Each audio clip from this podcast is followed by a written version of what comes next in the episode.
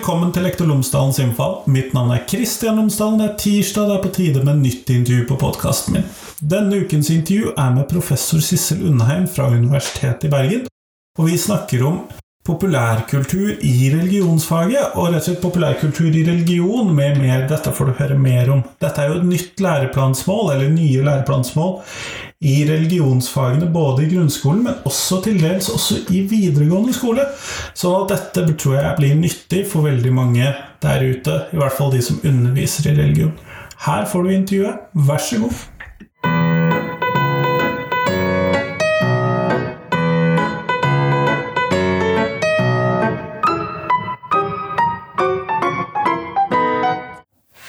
Sissel Lundheim, tusen takk for at du har tatt tid til meg i dag. Tusen takk for at jeg får lov til å møte deg. Før vi starter selve intervjuet, kunne du ha fortalt lytterne mine tre ting om deg selv, sånn at de kan bli litt bedre kjent med deg. Hmm, ja, eh, som det sikkert vil bli klart ganske snart, så er jeg ikke bergenser. Um, Nei, det har de nok hørt nå. jeg har en helt annen dialekt, så jeg kommer langt mer sørfra. Um, når det gjelder det mer faglige, så kan jeg kanskje si at jeg har skrevet hovedoppgaven min, som på mange måter kanskje var inngangen min til hele religionsvitenskapen. I hvert fall litt sånn startpunkt. For det jeg har gjort videre, den handler om Vestalinner, som er et kvinnelig romersk presteskap.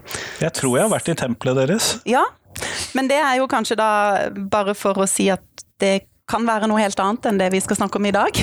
Det er det. Um, og så den tredje tingen. Jo, jeg har en hund som snart blir ett år gammel, og som tar veldig mye av tiden min for tida.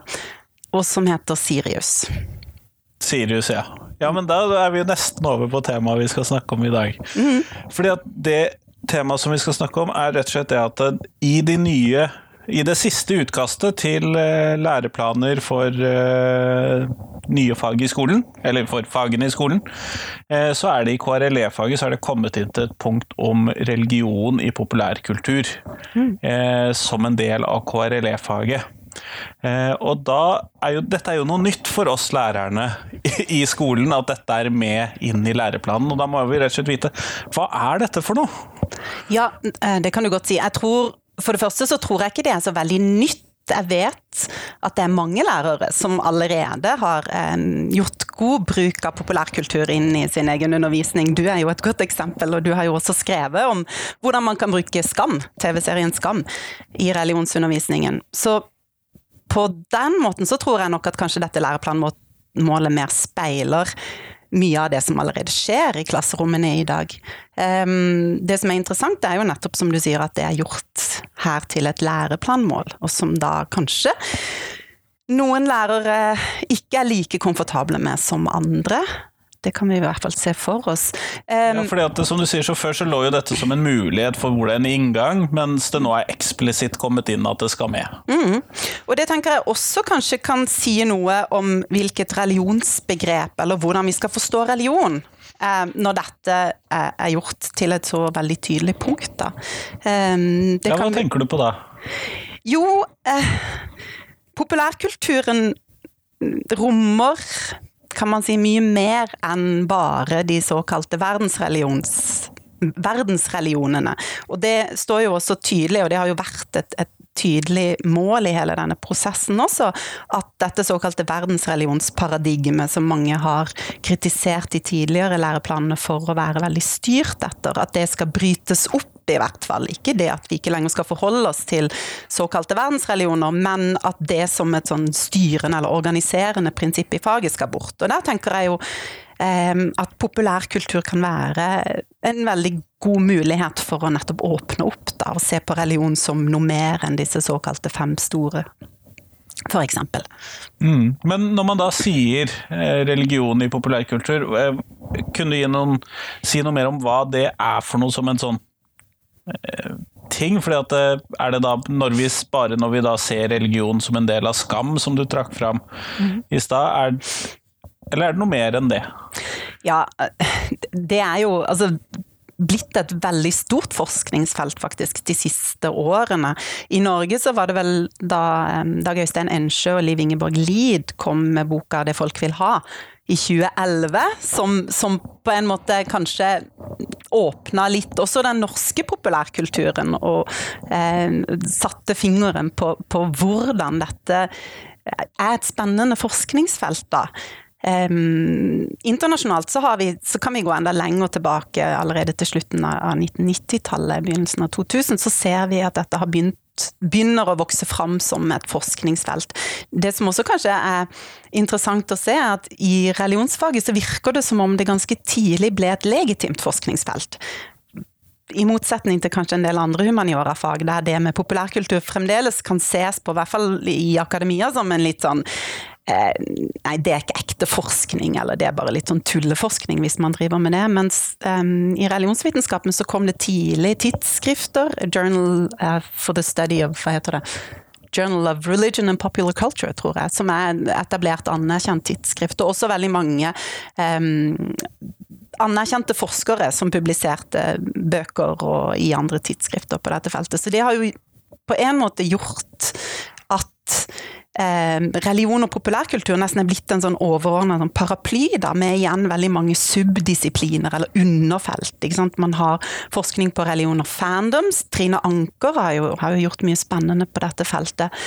Eh, vi har religion og gaming, som er blitt en egen sånn underdisiplin. Religion og film, selvfølgelig. Religion og musikk er det andre igjen som har vært opptatt av. Sånn at dette er i det hele tatt et veldig stort og, og dynamisk forskningsfelt.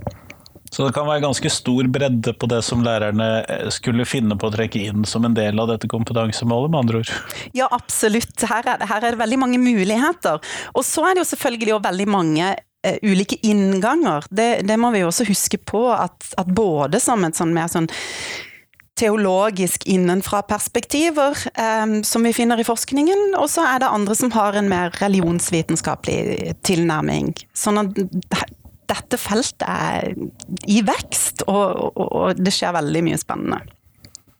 Ja, nå sitter vi jo på kontoret ditt her i Bergen, og jeg må jo si at du, jeg tror du har den største samlingen med Playmo-figurer som jeg har sett på en stund. Og Lego-figurer har jeg riktignok sett flere av, men her ser det ut som de er ganske tematisk orientert.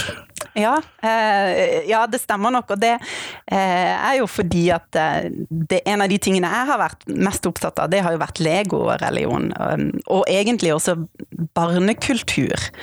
Eh, ikke bare ungdomskultur, for når man kommer til ungdomskultur og populærkultur, så, så ser jeg at man allerede innen forskningen har, har gjort en del. Mens akkurat dette med, med, barnekultur, det er litt sånn underutforska fremdeles. Og hele feltet religion og leker um, er jo også noe som, som, bare så vidt har begynt å poppe litt opp, og som jeg ser at det kommer en del forskning på. Um, så det er jo et kjempespennende felt. Jeg må jo eh, Jeg syns jo det høres spennende ut. Og jeg må tenke litt tilbake på når jeg første gang så reklame for Lego Chima. Mm. eh, hvor jeg holdt på å le meg skakk og syntes dette var kjempegøy. Fordi at eh, jeg har aldri sett så mye religion puttet inn på to små trailere på, for dette på YouTube. Mm. Men hvorfor har dette kommet så sterkt inn i leker? Ja, det er jo et veldig godt spørsmål. Mange vil jo si kanskje eh, Altså, religion man, vi, jeg kan begynne et annet sted, kanskje. at det som på mange måter var inngangen min, er jo det at jeg er jo Hva skal vi si, tatt min utdannelse i, den såkalte Bergensskolen på norsk religionsvitenskap. Og eh, dette konseptet til Ingvild Gilhus og Lisbeth Michaelsen om religion spredd tynt utover, eller religion overalt, som de snakker om.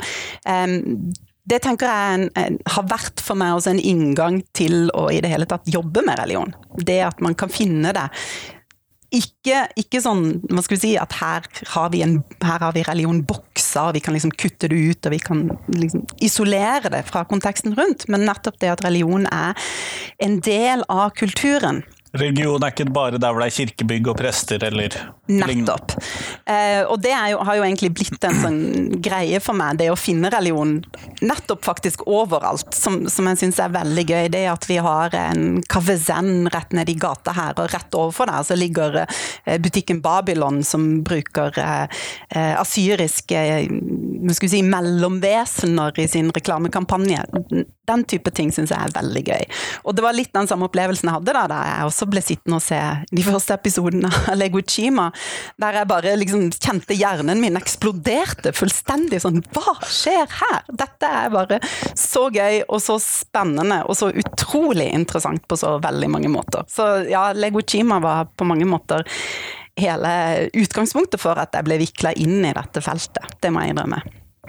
For der ser man jo sånne klassiske asiatiske, religi eller, asiatiske religiøse fenomener og uttrykk og begreper og alt mulig rart. Mm. Og, og, det er jo det som er interessant også, å se nettopp en sånn hvordan leketøysverden, og særlig disse store transnasjonale selskapene, eh, Disney selvfølgelig og Lego, eh, Playmo er nok fremdeles litt for sånn tungt fundert i en sånn luthersk-tysk kontekst, men man ser at også Playmo prøver å, å nærme seg et, et, litt større eh, globalt marked. Men, men hvordan disse globale markedene da gjør at den, i den grad man finner religion i disse produktene, så er det kanskje også en annen type religion enn den man ville funnet for 50 år siden. Så på den måten så tenker jeg at populærkultur, men også leker Altså lekene er jo blitt en del av hele dette mediefeltet. Altså Lego er ikke lenger bare Lego. Lego er film, det er eh, spill, det er nettsider, det er sosiale medier. Det er på en måte en sånn multimedial eh, greie i seg selv, på samme måte som, som alle disse store Hollywood-produksjonene.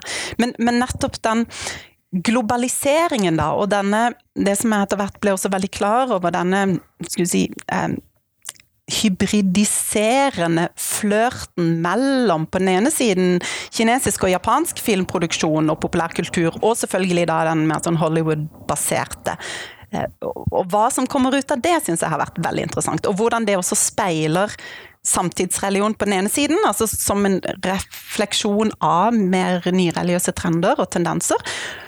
Samtidig som det også da er med på å skape gjennom den medieringen som vi ser. Altså det at man rett og slett eh, formidler nye former for religiøsitet eh, gjennom en, den utrolig store utstrekningen og rekkevidden som disse eh, produktene har der.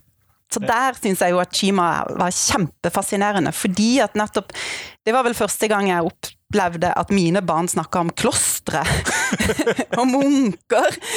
Og jeg sitter og klør meg i hodet og lurer på hvor kommer dette fra? Jo, nei, dette var ikke Chima, men det var Ninjago, da, som er en annen sånn stor Lego-serie, og som, som, handler om ja, Lego-ninjaer.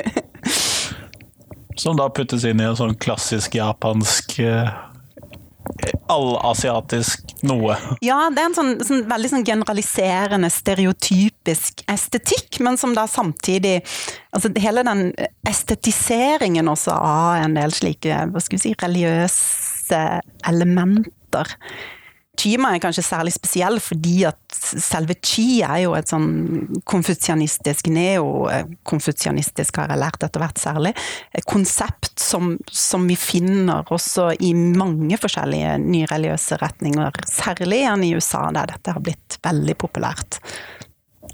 Er ganske mye religion overalt, da, sånn mm. sett. Eh, men dette ser vi også i ta ungdom Hvis vi da beveger oss litt oppover i aldersgruppen, så finner vi da Percy Jackson og Harry Potter og den mm. typen ungdomsfenomener. Mm. Men hvordan kan vi se det religiøse i disse? Hvis jeg skal ja. stille et banalt spørsmål. Det er jo et veldig godt spørsmål. Percy Jackson er jo en, en personlig favoritt nettopp fordi at eh, Rick Riordan, som er forfatteren, i så stor grad tar utgangspunkt i den klassiske mytologien. Altså både først og fremst den greske mytologien, men så etter hvert også romersk, egyptisk og norrøn.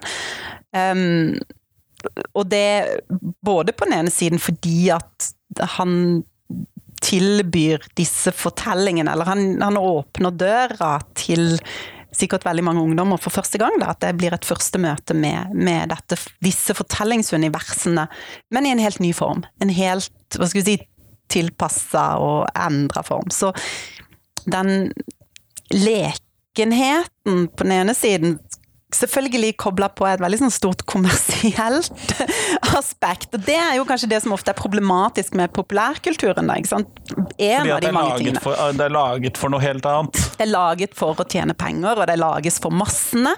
Men, men samtidig så er det nettopp det at det lages eh, med dette kommersielle bakteppet, som, som kanskje gjør det også interessant, for det at skal du nå så mange, så, så kan du på en måte ikke være veldig smal i din f.eks. For fortolkning av religion. Altså, da må det på en måte være, gjøres åpent og litt flytende og fleksibelt for at det skal kunne treffe alle. Og det, Dermed blir det jo også interessant å se på hva slags religion er det vi finner i dagens populærkultur, og, og hvilke former tar den, og hvordan fremstilles den da? Men når du da ser da på, hvis du da kan ta oss og si noe mer om det knyttet til f.eks. Percy Jackson, som du da finner eh, Hvor du da finner særlig ro, eh, greske eh, pant, Det greske pantheonet. Men hvordan gir religionen seg utslag i de filmene og bøkene der? Ja, altså Hvis jeg skal kunne bruke det som lærer for å så vise fram hva er religion i klasserommet mitt, f.eks. Ja, hva er en gud? og, og, og er guder liksom de eneste si, skikkelsene man forholder seg til i et religiøst univers? Altså, jeg vet ikke om du ser, men jeg har en poster borte på veggen da, som jeg er veldig, veldig glad i, um, der man Igjen denne Og det tenker jeg er veldig tidstypisk òg, det at man hele tiden leker med en masse kulturelle, popkulturelle referanser. Det er en sånn hele tiden en sånn, Man refererer til seg selv også, men, men på denne eh, til Sea of Monsters-filmen, som var den andre filmen Um, i Percy Jackson-serien Det kom bare to filmer, for de ble, aldri- ja, de ble ikke så veldig gode, dessverre. Men In Demigods We Trust, altså den spiller jo på både liksom dette kjente sitatet fra eh, amerikanske dollarsedler, In God We Trust, eh, men her er det demigods. Hva er det? Jeg tenker som religionslærer bare å introdusere konseptet halvguder.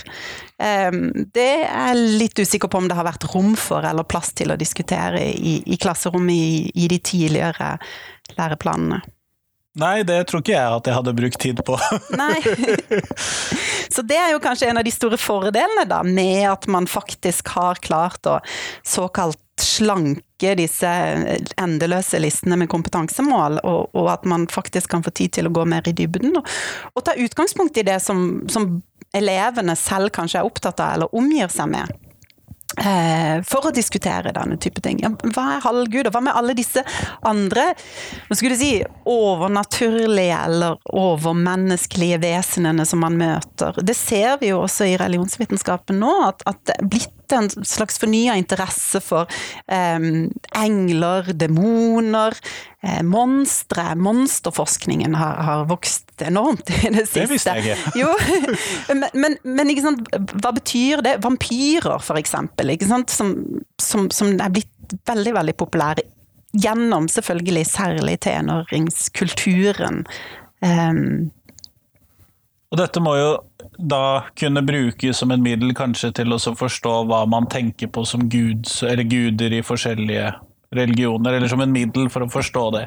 ja, og jeg tenker ikke minst, altså, og det er jo hele tiden, det har jo hele tiden vært kanskje religionsvitenskapens utgangspunkt også, det er jo dette med religiøst mangfold. Altså hvordan jobber vi med mangfold og kompleksitet? Um, og det har kanskje vært litt utfordrende i forhold til de tidligere læreplanene som har kanskje hatt et veldig fokus på dogmer og ritualer og veldig sånn um, fasitsvar-versjoner. luthersk-orientert. Ja, en veldig sånn, sånn kanonforståelse av religion som disse her avgrensa boksene. Mens jeg tenker at, og jeg håper jo at de nye læreplanene gir oss mulighet for å kanskje bryte dette litt opp, nettopp ved å ta utgangspunkt og vise til det som er i, i elevenes umiddelbare omgivelser. Um, et, en annen fordel eh, som jeg tenker er veldig viktig, særlig når det gjelder KRLE-planen, det er jo det at eh, i det norske klasserommet i dag. Jeg nevnte mangfold, og det vet vi jo, ikke sant. At det er elevene representerer i seg selv ofte et stort religiøst mangfold. Og da inkluderer jeg, når jeg snakker om religiøst mangfold, så snakker jeg også om de som da ser på seg selv som ikke-religiøse, eller som er likegyldige, eller som ikke har noe interesse for religion. Og det tror jeg at veldig mange lærere har opplevd som problematisk. Hvordan skal du få disse elevene til å bli interessert i faget? Hva, hva, hvorfor skal de bry seg om dette faget? Um, flere av våre studenter blir jo veldig overraska ofte, og, og litt fortvila også når de opplever at elevene er så lite interessert. Ja, vi, vi, lærerne som velger dette som fag, er jo ofte de som er mest interessert. Ikke sant? Og det er nok en utfordring for, for, for lærere i de fleste fag, tenker jeg. At man, man selv syns at dette faget er jo kjempespennende, og så møter du da et klasserom som, som ikke helt er med på den eh, den samme interessen som, som, du selv har. Men der er jo kanskje et av mine hovedargumenter at populærkulturen kan bidra til en inngang, da. Og ikke bare det, men, men nettopp fordi at klasserommet, elevene i seg selv representerer et så stort religiøst mangfold, så kan vi ikke lenger ta for gitt at de har et felles utgangspunkt, eller at de har en felles referanseramme. Det har man jo ofte tidligere gjort. ikke sant? At man tenkte at ja, dette, her er alle elevene kristne, så da tar vi utgangspunkt at de vet hva kristen dåp er, eller de vet hva en konfirmasjon er, fordi at de forstår det i en kristen kontekst. Men det gjør de ikke nødvendigvis lenger. Og da tenker jeg også at populærkulturen kan være til hjelp. Det kan på en måte gi den inngangen, eller den felles referanserammen, som, som man kan utforske eh, begrepene og, og, fenomenene, eller uansett hva som er tema for timen, da. Mm, jeg ser at det kan være en fordel. Men her så har vi jo snakket veldig mye om eh, KRLE-faget. Mm. Men finner vi noe tilsvarende læreplanmål i det faget som vi har på videregående skole med religion og etikk? Ja. Hvor man trekker inn dette? Det har vi. Og på en måte så jeg, må jeg kanskje si at jeg liker dette læreplanmålet enda bedre. Jeg kan lese det som står. Undersøke og presentere hvordan kulturelle uttrykk kan forstås i lys av kunnskap om religioner og livssyn. Så her er det ikke lenger snakk om populærkultur, men kulturelle uttrykk. Uh, og det er jo det jeg tenker er den ideelle måten kanskje å formulere dette på. Fordi at jeg tenker på populærkultur som en helt naturlig del av det begrepet som vi snakker om som kultur. Samtidig så ser jeg at det ikke er en forståelse som jeg alltid deler med andre, og at mange kanskje tenker på kultur som noe mer sånn høykultur, og da snakker vi om Ibsen, eller vi snakker om det som foregår eh, i teatrene og, og symfoniorkestrene. Noe mer enn det som skjer på kino og på fotballbanen type ting? Ikke sant, ja. At, at fremdeles er det nok en del som opererer med noen sånne skiller der. Men som sagt, eh, ideelt sett så tenker jeg at, at kultur kunne erstatta kanskje populærkultur, eh, fordi at også dette er en del av kulturen. I høyeste grad. Sånn at dette er relevant også for meg som lærer på videregående skole, og da skulle kunne trekke inn f.eks. da eh, elementer fra Lego eller Harry Potter eller Percy Jackson eller mm. lignende inn i Ja, det tenker jeg absolutt du kan, når det er slik det er formulert nå, i hvert fall. Eh, samtidig som dette jo åpner opp, da, og det er kanskje det som er mitt argument også, at i, i, i alle tilfeller skal du, skal du kunne få utbytte av å lese Percy Jackson. Du trenger ikke kunne noe om gresk mytologi. Men, men det, det, vil, det, vil, kanskje hjelpe, og kanskje det vil gjøre elevene mer nysgjerrig, fordi at de nettopp ser at oi, her er det noen, her er det noen underliggende referanser som jeg ikke helt skjønner, eller hva er det egentlig dette viser til? Um, sånn at den religionskunnskapen på mange måter blir en nøkkel til å forstå enten det er en film, eller det er en bok, eller det er en altertavle i kirkekunstsamlingen på museet. Der tenker jeg at det er de samme prinsippene som gjelder. Du må kunne noe om eh, de apokryfa evangelienes fortellinger om Maria, f.eks., for, eksempel, for å kunne forstå eh, en altertavle uh, her på museet. Fordi at det krever noe mer enn bare det som vi vanligvis gjennomgår i mm religionsfaget, f.eks. Ja, og det tenker jeg er jo kanskje den, den, viktige, og for mange vil kanskje det også være den nyttigste kompetansen de får gjennom religionsfaget. Nettopp det å kunne forstå og fortolke de kulturelle uttrykkene de møter på. rundt seg. Ja, for de møter jo det egentlig ganske ofte. Mm. Sånn med tanke på dette som du snakket om i stad, med religion litt sånn tynt spredd utover alt sammen. Ja. Så ser man det i film eller i Mhm.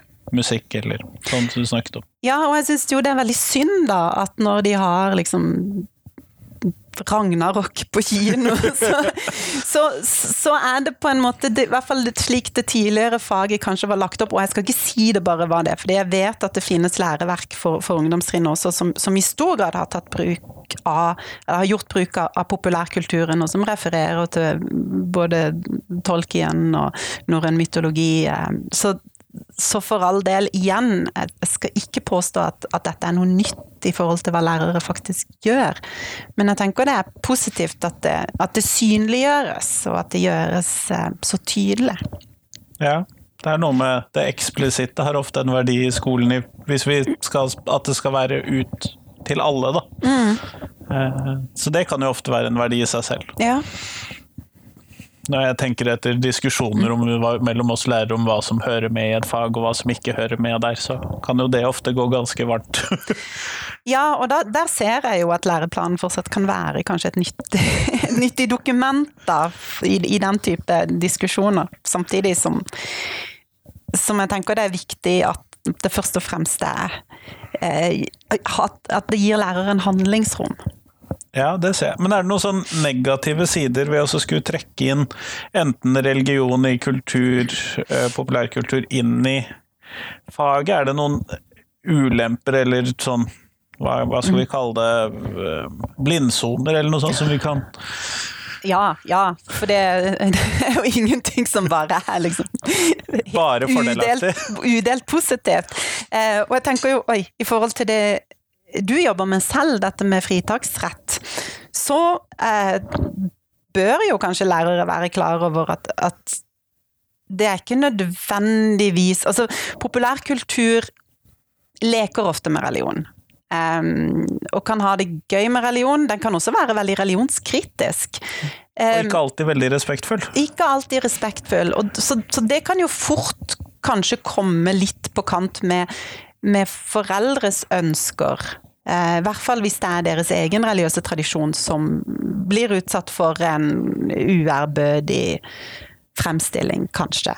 Um, så det tenker jeg er noe man må se på. Og, og for eksempel um, selv da um, leker som Chima og Ninjago, det vet jeg at det finnes en del pinsekarismatiske nettsider for eksempel, som, som kritiserer sterkt. Harry Potter har jo også fått gjennomgå Ble jo nettopp brent eh, Harry Potter-bøker i Polen, blant annet. Ja, så dette er jo, dette er jo ting som, som, blusser opp med jevne mellomrom. I 2014, da jeg begynte å jobbe med Lego, så var det også polske prester som advarte sterkt mot en sånn Lego-serie som hadde litt demoner og djevler og vampyrer og sånn, for de mente at det lefla med de mørke kreftene. og han befalte virkelig at barna ikke lekte med dette. Så, så, det er klart at som lærer så må man også huske på at dette kan være perspektiver som kan slå inn. Um, det er det ene. Det andre, og som kanskje er det aller, aller mest krevende, det er jo nettopp det at det går så vanvittig fort i populærkulturverdenen. Eh, og hva elevene er opptatt av til enhver tid. Jeg tenker jo, det vet jo de aller, aller fleste lærere, at det er nesten umulig å henge med på. Um, fordi, og selvfølgelig også fordi at noe av poenget med at ofte er noe populært nettopp fordi de voksne eller de andre ikke vet om det. I tillegg så er det jo nettopp det at, at en ting er liksom den veldig sånn store mainstream populærkulturen som Marvel og Hollywood Disney, generelt. Ja, og Lego og alt dette her, som, som, man på en måte nesten ikke kan unngå å få med seg. Men, men, så er det jo igjen alle disse subkulturene da, som kanskje betyr enda mer for elevene. Og det at det nettopp er en subkultur som, som andre ikke kjenner til. Det kan kanskje være en verdi i seg selv. Så som lærer må man jo også tenke på, er det da positivt nødvendigvis at du trekker det fram eller bruker det i undervisningen, eller kan det kanskje rett og slett ødelegge for den eller de elevene? Så, så der også må man tenke litt på hvordan man bruker det, og hvorfor.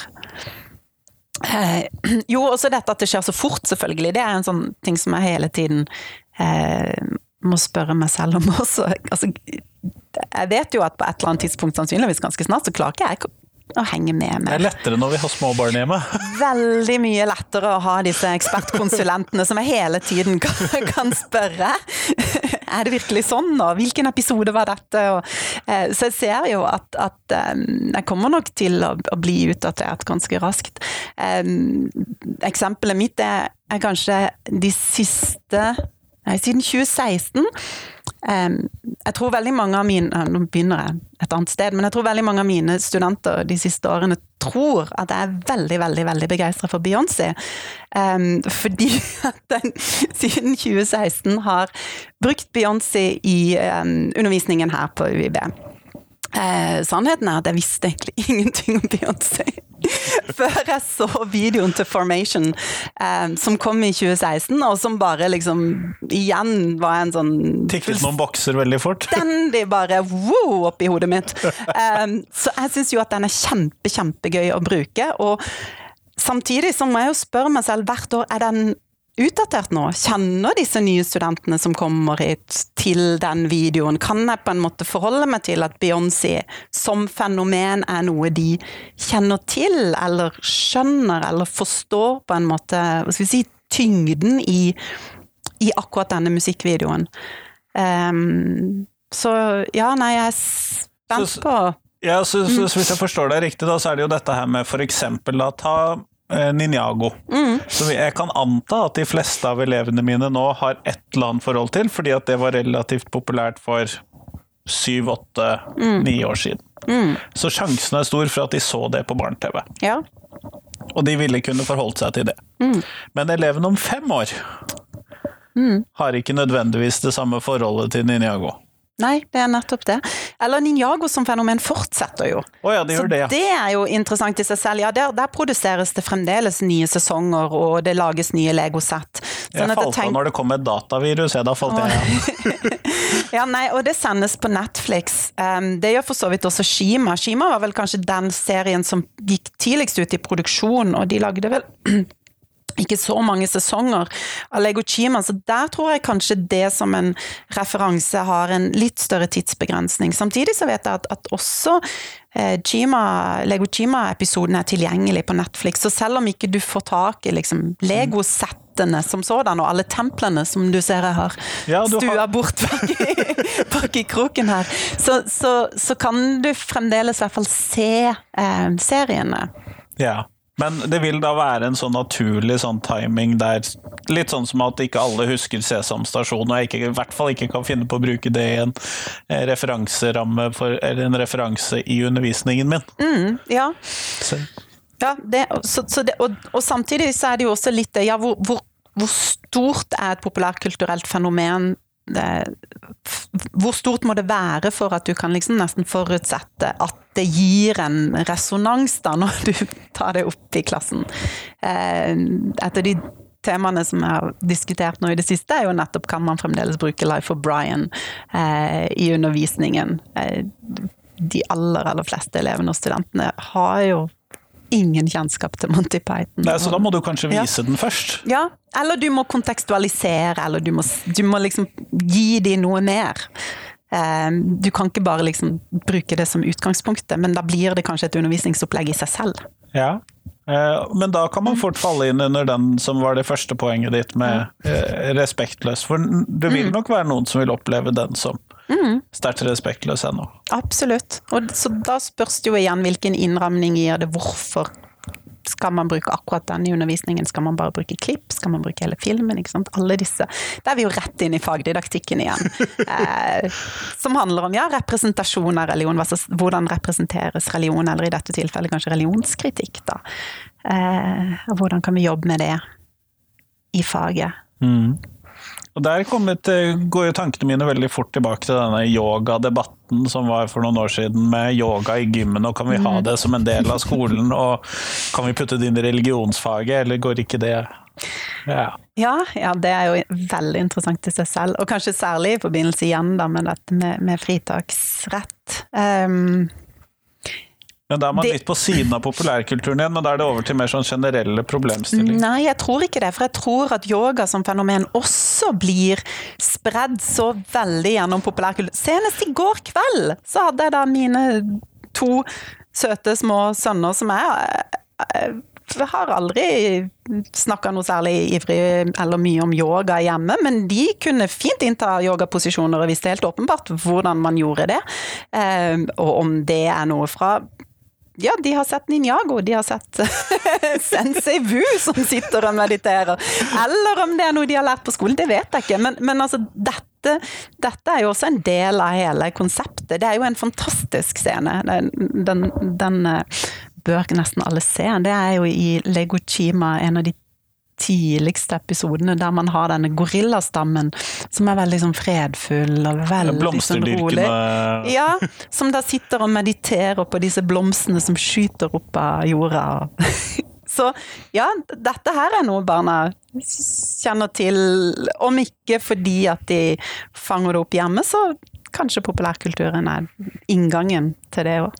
Nettopp. Så, så, så, så det jeg hører, da, hvis, vi, hvis jeg skal prøve meg på en sånn kjapp oppsummering, så er det det at man uh, har en uh, mulighet til å så bruke andre måter å vise fram religion på, som kan å vise hvordan man finner det i mange forskjellige arenaer, og at det kan være en måte å En linse for å tolke verden på.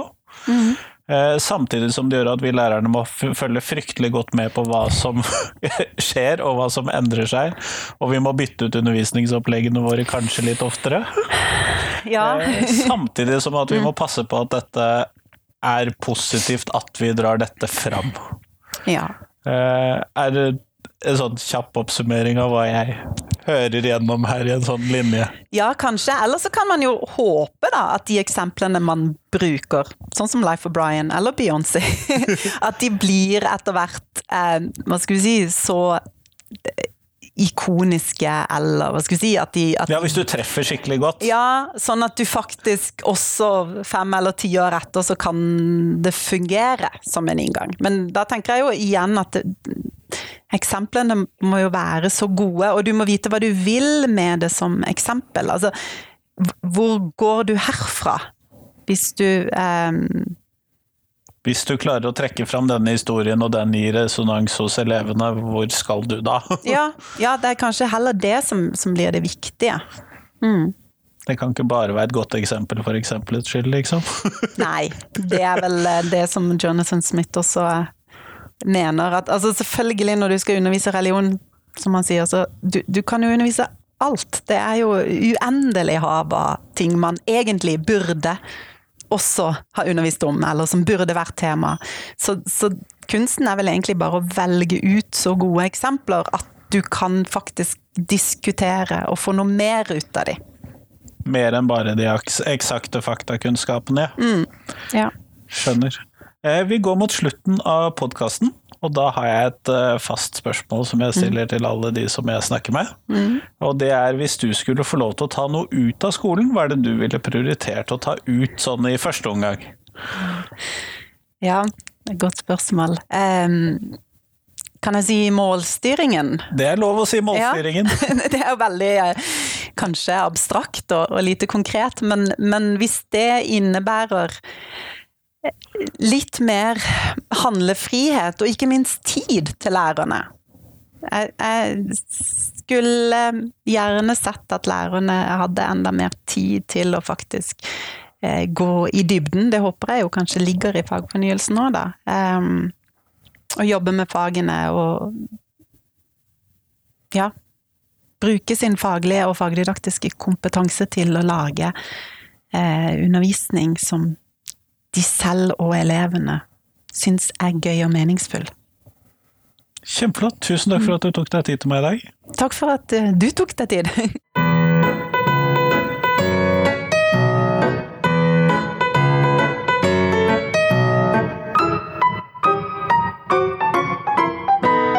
Tusen takk til Sissel, og tusen takk til deg som hørte på.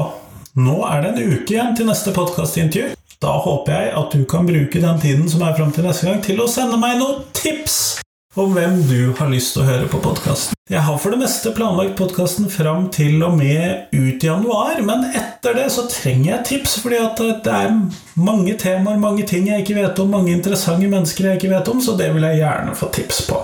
Så send meg gjerne noen tips på en av de uendelig mange måtene du kan kontakte meg på. Jeg er litt dårlig på røykskyer og tyding av de, så jeg anbefaler andre måter. Men i hvert fall, fram til neste uke så får du ha en fin uke. Hei, hei!